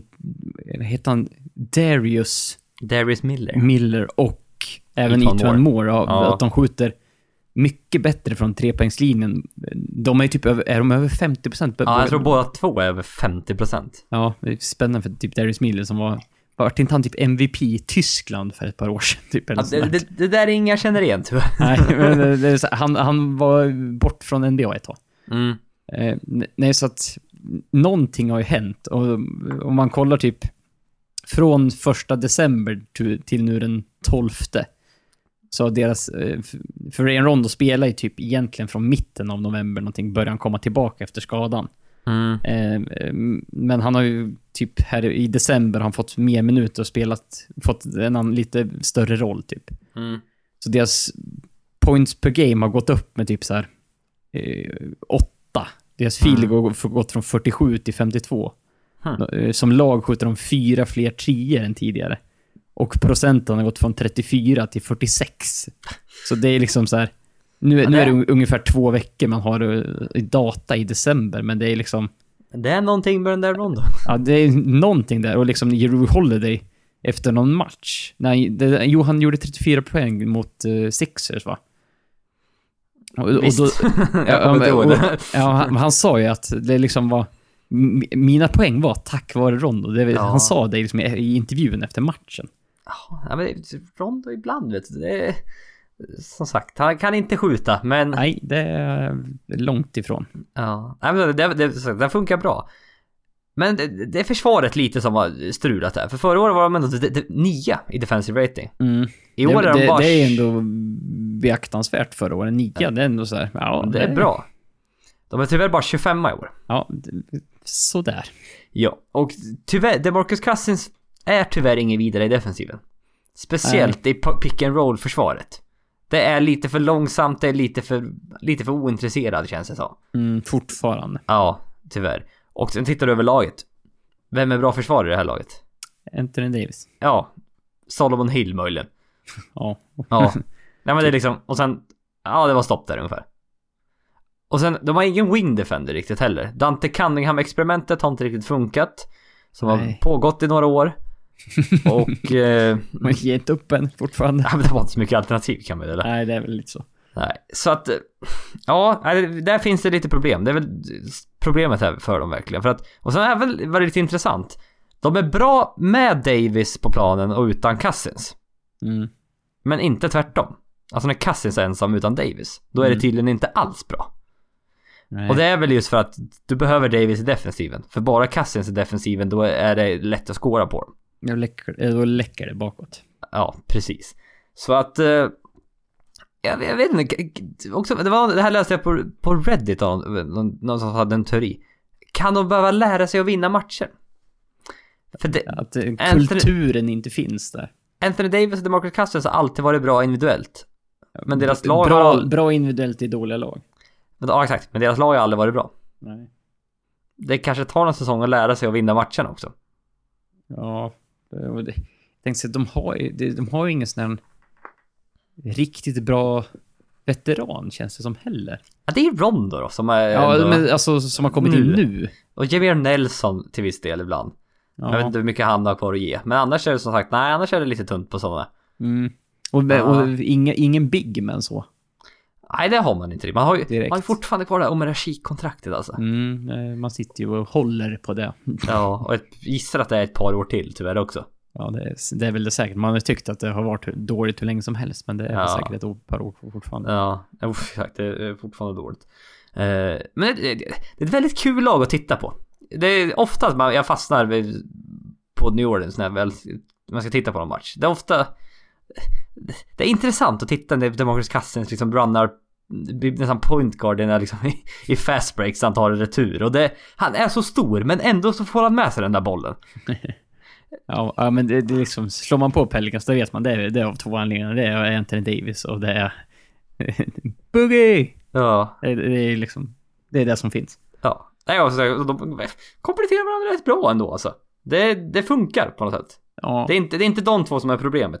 Det är eh, övriga laget känns det ja det, det man ska fylla ut eh, Mm. bakom dem. mm. Precis, så att vi får ett slutspelslag. Ja, det, det tror jag faktiskt att det är i år. Ja, men uh, Rondo gör vad han kan. Ja. Ja, visst. Han gör allt vad han kan. Ja. Försöker vara hel framförallt. Ja, vi får, vi får se hur långt det räcker. Ja, precis. Eh, ja, vi ska avsluta den här med en, eh, ett litet, en, en liten draft. Eh, det, här är inte, det här är en egen idé från mig som jag får lite tokiga idéer ibland och fortsätter på den trenden. Tanken först var att vi skulle, jag tänkte att vi skulle drafta varsitt lag. Alltså så bra lag som möjligt. Med spelare draftade från varje årtionde. Alltså alla spelare, vi får välja bland alla spelare på 60-talet, 70-talet, 80-talet, 90-talet. Ja, det 00-talet var inte så intressant för då är det dagens spelare. Eh, och det var en liten idé jag hade. Men sen började vi titta att 40-50-talet Lite tunt kan man väl lugnt säga. I alla fall med våran kunskap. Ja, Nog att vi är nördar, men någon måtta får det väl vara på dumheterna. Ja, men det, det är så här, även om vi skulle kunna sitta och hitta några spel vi känner igen, Ja, eh, så tror jag att flera som lyssnar skulle... Ja, det är så här, då är vi, man imponerad om ni känner igen dem. ja igen dem precis. liksom. Och så, NBA började ju 47 då, eller om det var 46. Men då tänkte vi, ja men 46 fram till 69 då. Mm. Det, det, det, då har vi ändå ganska många spelare. Men vi beslutade oss faktiskt för att ta från starten på NBA fram till 1977 får vi välja spelare idag. Och det finns en väldigt speciell anledning varför vi valde just 1977. För att eh, ni får två sekunder att fundera på varför. En, Är ni två. klara? Är ni klara? Bra. Nästa vi hade tänkt att ta bara 80-talet. Eh, spelare som draftade på 80-talet. Det går rätt bra. För det finns väldigt mycket spelare, Mm. framförallt vi känner igen och jag gissar att många andra känner igen också. Oh, ja. Eh, men varför vi stannar vid 77? Det är för att Larry Bird blev draftad 78. Mm. Magic Johnson draftad 79. Det känns som de tillhör 80-talet. Ja, för det, det är under den tidsepoken. Det, det, det, det, den tidsepoken under NBA var Magic Johnson versus Larry Bird. Eller Exakt. Lakers versus Boston. Det är liksom... Det do, dominerades hela 80-talet av den liksom... Det var ändå huvudfokus hela tiden. Ja, precis. Så det, det, det är nästa draft vi ska göra. Nästa avsnitt hade vi tänkt. Spelare från då 77 till 89 och sen avslutar vi med 90 till 99.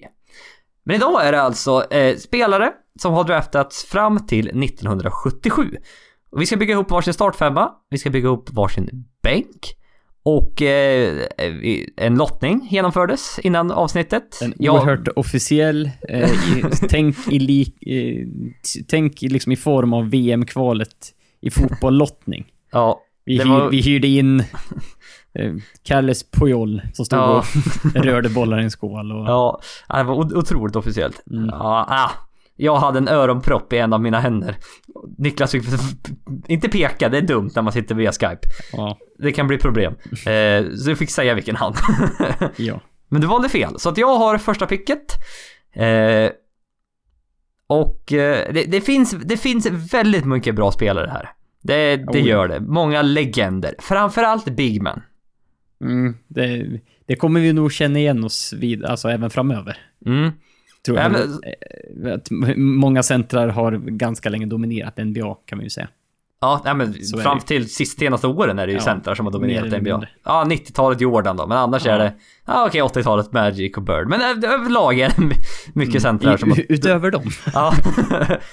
Vill ni se vilka spelare vi kan välja mellan? Då ska ni gå in på basketballreference.com. Ni ska trycka på play index, sen ska ni gå ner till draft finder. Där kan du välja eh, vilka spelare du vill se baserat på vilket år de blivit draftade. Och där finns det då en lista på alla spelare vi kan välja mellan. Mm. Mm. Exakt. Och eh, ja, jag har första valet. Eh, Och- Och, en liten sån här, eh, när vi väl kommer till bänken så sa vi att då vänder ordningen, sa vi inte så? Ja, då får du, exakt, du får första valet när vi väl kommer till bänken. Yes. Yes.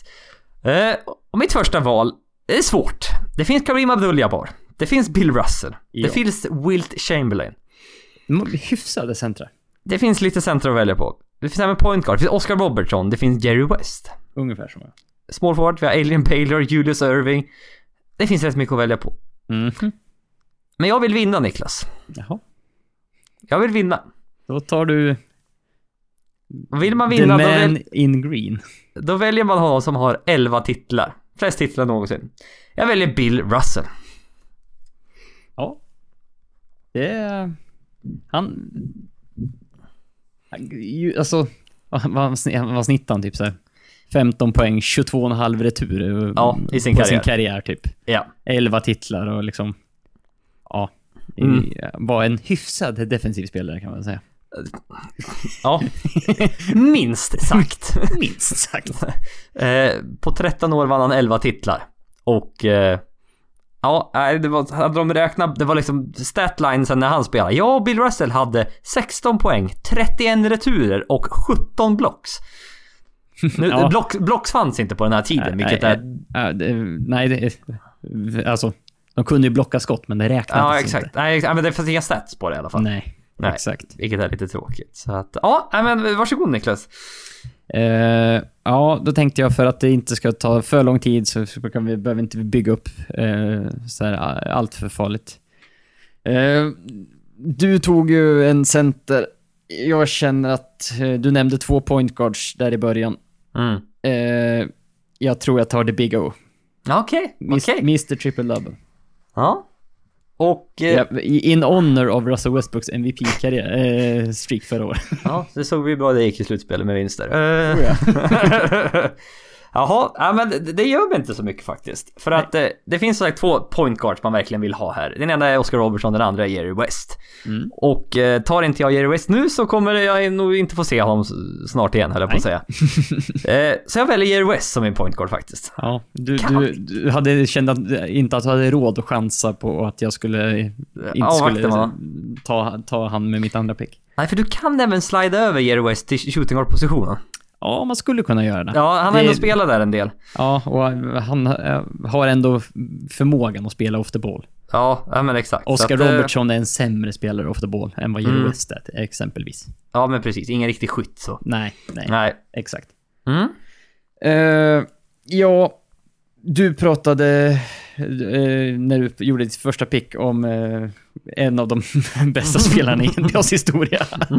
Eh, och som eh, kanske är all time leading scorer.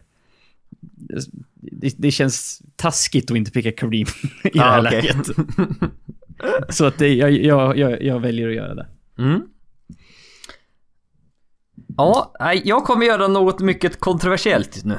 Du kommer ta Eh, Gail Man- Goodrich. ja, det är inte kontroversiellt på så sättet. Nej. Utan, men li, positionsmässigt något kontroversiellt här. Mhm. Då centerpositionen är något starkare, kanske den starkaste positionen här. Ja. Och eh, jag kommer välja mannen som eh, ryktas ha legat med 20 000 kvinnor. Ja, det... Jag tänkte säga... Något säger mig att det inte är... Eh, Dave DeBuscher. eller... Eh, vad, vad jag tänkte säga, vad heter han? Heter, den, den andra. Du har Dave DeBuscher och sen har du Jerry Lucas, så heter. Jerry Lucas. Ja, nej, det är, jag väljer Wilter Stilt Chamberlain. Ja.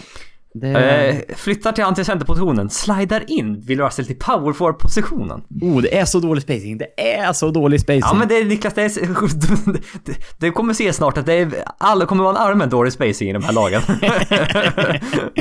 Ja, det fi- fi- finns en li- lite risk kanske. Ja. Eh, Men det beror på hur man bygger laget Jesper. ja okej, För okej. på min eh, nästa eh, pick så har jag tänkt och ta en som faktiskt stretchar golvet lite.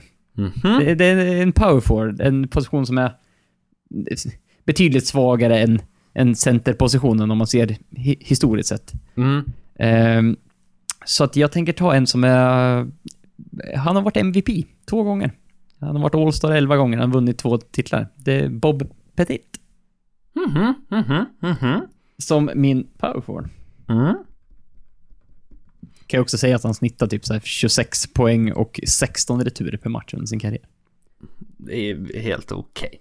Ja, ja, men det, det, det, det är okej. För att mitt nästa pick... Jag tycker hela tiden att du måste säga okeja Ja, det är okej. mina pick. Att du, ja, för nej, det- ja, det förstörde inte för mycket. Nej, exakt. Nej, men det, vi brukar ju förstöra det ordentligt för Ja, varandra. lite så. Jag kommer välja en spelare som under sin fjärde karriär, NBA, endast kunde spela matcher på helgerna. Då han var i militären.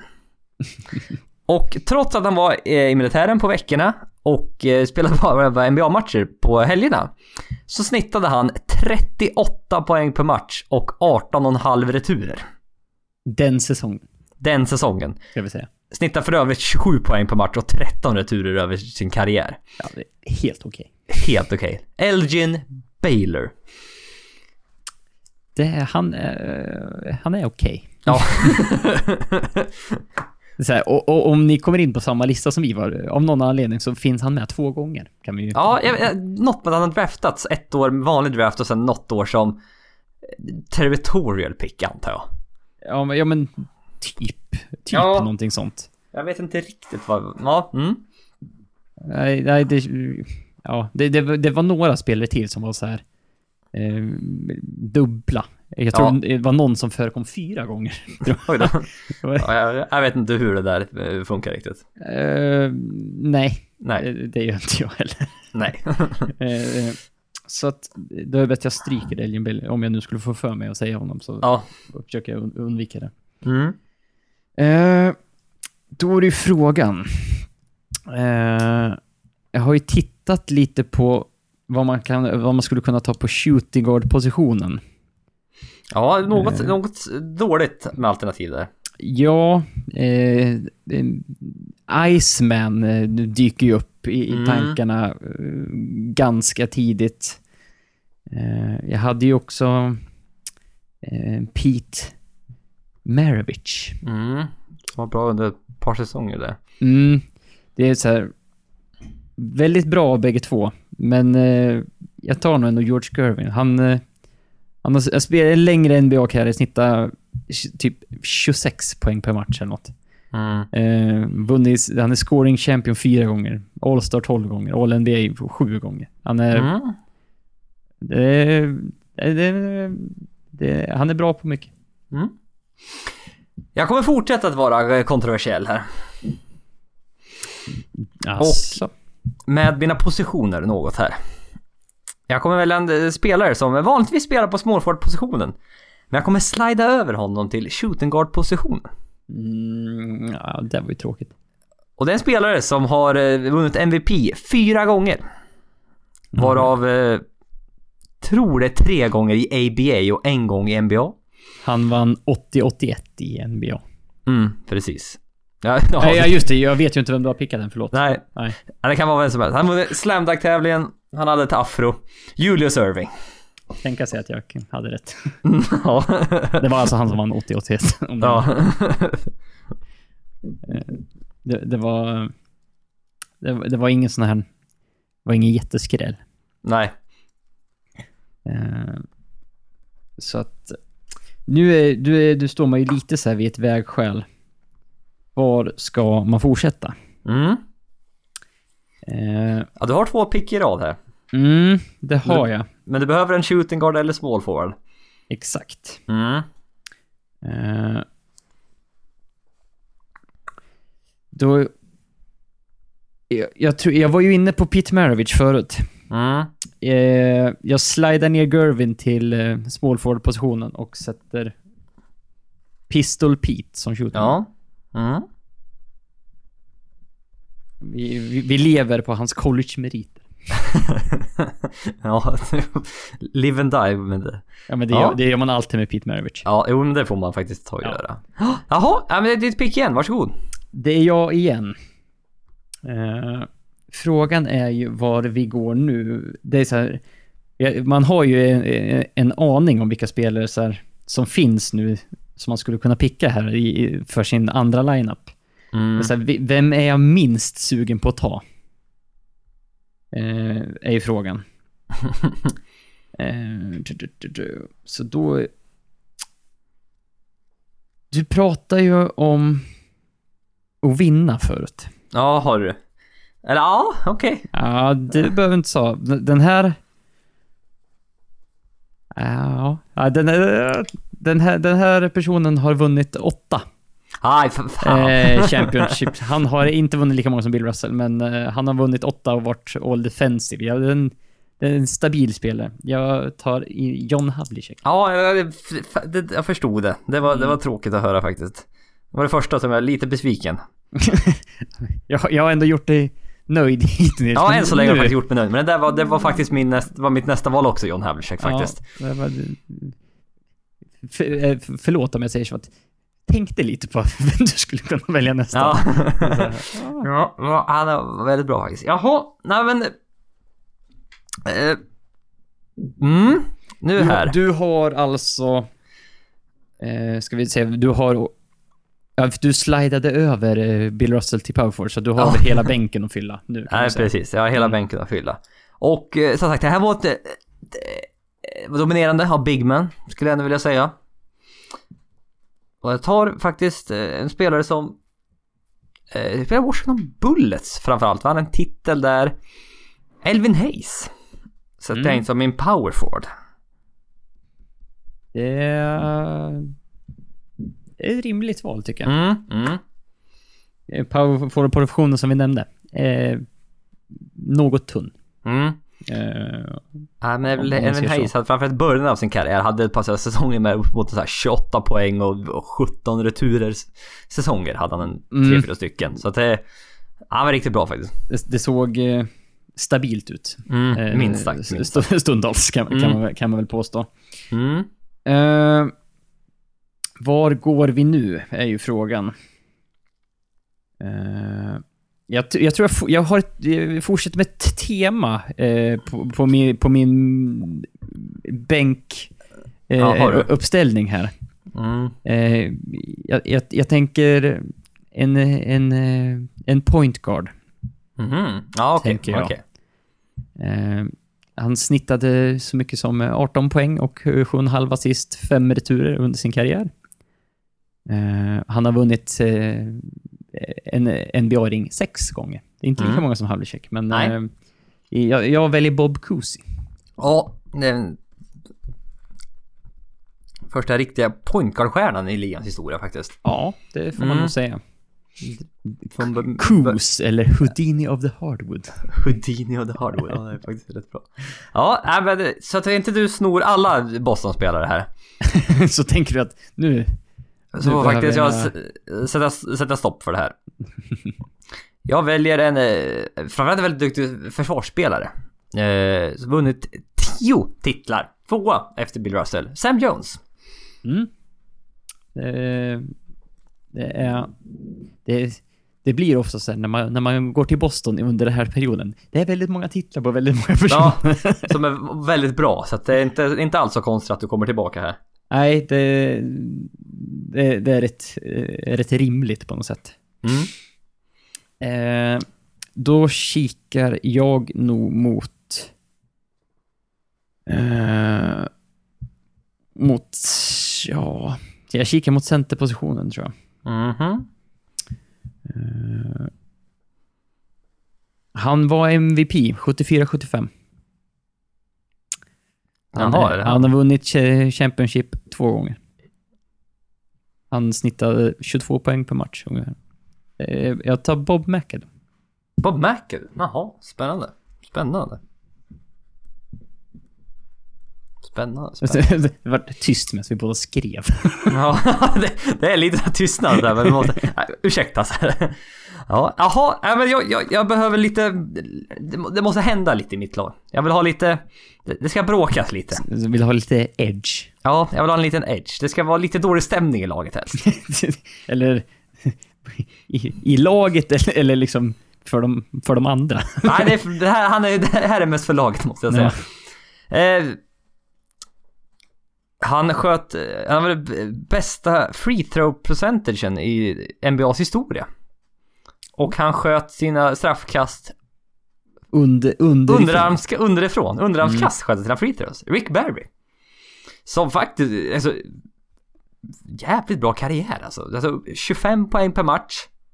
Nej, 23 poäng per match. Men eh, 6,5 retur, 5,1 assist.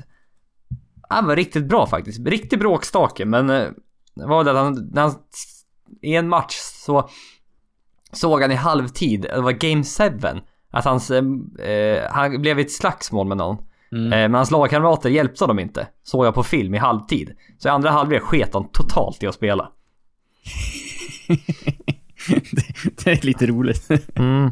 Så, så, sånt här gillar vi. Ja, det, det, det, det är skoj. Ja, det är skoj. Ehm, ja, jag, jag, har haft ett litet tema. Jag, jag, jag, pickar många spel som har vunnit MVPs. ja, okej. Eh, eh, det här är en spelare som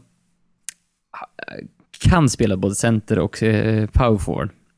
Eh, han har spelat power forward i tre säsonger i alla fall, så jag känner att det är ändå rimligt att skjuta över honom dit. Mhm. Och om du får skjuta över Bill Russell så får, Ja, jag, ju- får får- jag definitivt skjuta över Willis Reed på, på Ja. min backup power forward-position. Mm. Det är Ja, ju det, li, lite av en stretch.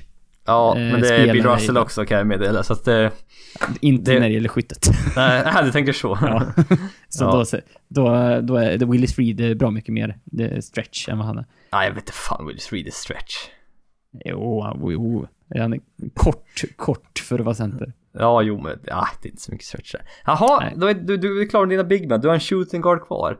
Och då vill jag ha, ja, jag behöver en point guard och en center till min, till min andra lineup här. Då tänker jag välja en New York point guard här som är, är, är riktigt bra. Tog hem två titlar till Knicks. Walt Frazier. Det kändes inte som, som att du inte kunde picka honom typ. Nej, det, fan, det, var, det, det var han eller Tiny Archibald jag stod och valde Ja, med. Eh, jag, Tiny jag, jag, Archibald. jag, jag, hade, jag hade med bägge två på min point guard-lista. Mm, Tiny Archibald, den enda som har ledet ligan i poäng och assist samma säsong. Exakt. Mm. Det är eh, imponerande. Mm. Det, det är rätt bra att jag har typ st- strukit alla namn som jag hade på min lista.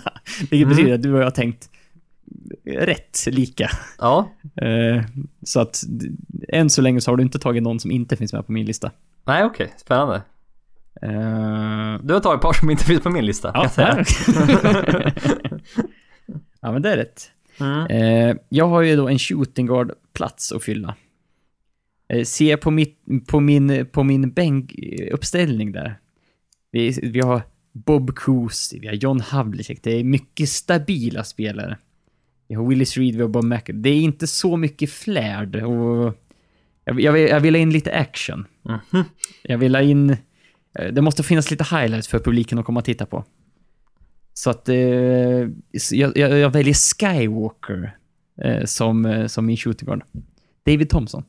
Ah, han kallade han Skywalker, det hade jag inte riktigt koll på. Mm. Ja. Så han eh, tar jag in som min shooting guard. Tyvärr Mm. har han inte vunnit någon, eh, någon MVP. Det, så det, tar, mig, tar mig emot lite Ja, jag förstår. och välja honom. Men, Jag eh, förstår. Jaha, ja, men då ska jag avsluta här med centerpositionen. Och jag har ganska bra alternativ fortfarande kvar. Jag har, Ja, det, det, det finns många. jag har Dave Cowens. Mm, fanns, finns med på listan. Han har vunnit MVP. Jag var sugen på Ja, på- ja, jag på- förstår på- det. Bill Walton. Som Mm, det är kontroversiellt. kontroversiellt. Den säsongen han var bra var han snuskigt bra. ja. Har vunnit MVP. Vann MVP då också. Mm. George Mikan. En av de första superstjärnan i NBA, kan man ändå säga. Ja, det är en klassisk gammal L- Lakers. Ja, Minneapolis Lakers eller ja, till och med det. Ja. Artis Gilmore hade jag även med. Tänkte Eh. också, tänkte också på om man vill ha in lite size. Han är ju typ 2,18 eller sånt där. Ja, precis. Och afro. Ja, det, så att ännu mer Ja. size bara. Men han jag väljer tror inte jag finns med på den här listan som vi såg på precis. Nej. Och det finns en anledning. Eller det borde inte finnas en anledning i och för sig. Men jag tror inte han spelade i NBA. Han spelar i ABA. Han spelade i ABA ett tag, men kom sedan till NBA. draftades eh, första spelaren direkt från high school. Och eh, dominerade eh, returtagningen under många, många år. Han är en av, det kanske den kändaste rumpan i NBAs historia. Otroligt bra på att boxa ut folk med sin otroliga rumpa. Moses Malone. Malone Moses. Malone Moses. Moses Malone. Kontroversiellt pick. Ja, inte ett dugg. Nej, men det var bara det att han är... Han är, han är, han är, faller inte in under samma ramar som de andra riktigt när han inte har spelat i NBA. Eh, Ah. Blir, blir draftad till NBA så. eh, eh, Under den här perioden vi typ tittar på. Han, han kom ju in... Han han kom in i NBA 1976. Ja, ja, vi körde fram till 77 så att det, Ja. det, Yes! det, det, det, är också så att han åstadkom ju en del i början av 80-talet. Eller kan man lugnt säga. Ja, vann MVP 78, 79, 81, 82, 82, 83. Ja, så att... Eh, mm. Han... Eh, par bra säsonger när han snittar runt 30 poäng och 15 returer i början på 80-talet där. Så att... Eh, Typ så. ja, så det är bra kvalitet. Jaha, ja, men sammanfatta ditt lag Niklas. Eh, point guard Oscar Robertson. Shooting guard Pete Maravich. Det är två som kan hantera bollen. Mm. Eh, jag har The Iceman som small forward, eh, George Gervin. Sen har jag Bob Pettit och Kareem Abdul-Jabbar som center. Mm. Ska jag fortsätta med min bänk? Eller ska Ja, du ta kan du göra, kan du göra. Fortsätt du. Eh, Bob Cousy, David Thompson, John Havlicek, Willis Reed och Bob McAdoo på bänken. Mm. Ja, jag har eh, point guard The Logo, Jerry West. Jag har sedan Julius Irving som shooting guard. Något kontroversiellt. Jag har Ellen Så Baylor. under, under perioder i hans karriär, svagt skytte för en shooting guard. Otroligt dåligt Det finns Och- inte mycket skytte i mitt lag kan jag meddela. Jag kan säga jag har bättre spacing än vad du har. Det har du. Jag har otroligt dålig spacing. Men det är mycket, det är star power jag har. det är det jag lever på. Det, det, det finns. Jag har Alien Baylor som small forward. En av mina eh, favoritspelare från den tid, tidpositionen faktiskt. Också en, ett relativt dåligt skytte. Ja, men det, det är okej. Men det blir, det blir värre. Ja. Det är inte modern Jag vet inte. Du har en spelare i din startfem som kan skjuta. Ja, men det här är, vi, det är old, old school basketball Niklas. Det, Ja, de visste inte vad trepoängslinjen var riktigt här. Nej, eller så, fanns, eller så fanns den inte. Nej, när många av de här spelarna var så de har inte ens en, liksom en procent eller en siffra på tre poängen för att det fanns, det räknas Nej, inte de det fanns inte ens. Jag har Will Chamberlain. Nej, jag har inte alls. Jag har Bill Russell som power Ja, forward. det har du. Och jag har Will Chamberlain som center. Yes, det har du. Eh, otroligt bra inside. Otroligt bra. En fantastisk Otroligt defense. dålig outside. Ja, men det är så bra inside så det är helt otroligt. Det är inte en människa som kommer scora inside. Jag, jag, jag kommer ta mitt lag, så kommer jag ställa alla under korgen. Sen får Jerry West skjuta sönder mig. Ja, sen tar jag offensiva returtagarna. Jag har ju bland de bästa returtagarna någonsin. Eh, med LJ Bailey, Will Chamberlain och Bill Russell. Det, Ja, det- det blir inte så mycket bättre än så Det faktiskt. blir inte så mycket retur över till, Nej, till exakt. Nej, och sen eh, bänken, eh, Walt Frazier, eh, Sam Jones, Rick Barry, Elvin Hayes och Moses Malone. Just det, Sam Jones, Rick Berry. Det är inte, sex, det är inte sexiga pick, men det är så här, Nej, men det är kvalitet där. det är bra spelare. Ja, det är det verkligen. Mm, ja men det det är kul Niklas att vi, vi gjorde det här. Nästa ve- vecka får vi köra 78 till 89. Något kontroversiella årtal här, men det... det Ja, eh, men lite mindre spann den, den gången. ja, ja, precis. Men det... Känner igen fler spelare då. Mm, Eller, så är nu känner vi känner igen alla spelare här, men det är inte säkert att alla andra gör det. Men nej, nej. även men för de flesta, de, de flesta borde ändå kännas bekanta, tycker jag. Mm. Speciellt i kanske en, i våra startfemmor i alla fall. Jo men precis, det är Ja. väl några här på bänken kanske, de här Elvin Hayes och David Thompson som är kanske lite, lite mer okända. Flyger lite under radarn. Ja, ja precis. Har, har, ni, har ni spelat 2K17 var det va? Så känner ni igen David Thompson. Han var, Ja, jävlar vad bra han var. han han var Diamond Reward för, för att klara Domination, tror jag. Eller om det var All Time. Nej, Domination. jag hade David Thompson som... Jag köpte han för typ Diamond 95 för 30 000. Jaha. Ja, Ja. men eh, det var något år han var någon reward i alla fall. Ja, men okej, eh, är rätt bra på att dunka. Ja, absolut. Mm. Absolut. Jaha, eh, något mer att tillägga? Jag skulle...